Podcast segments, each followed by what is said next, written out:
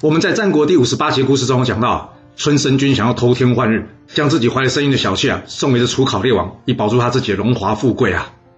不过螳螂捕蝉，黄雀在后啊，他只想他想的，那他有没有想过他的小妾李美人是怎么想的呢？别说古代女人非常重视名节啊，不会有人提出将自己改嫁建议啊。就算是现代也罕见吧。像这样的人，你不怀疑他，那你要怀疑谁啊？所谓事出反常必有妖。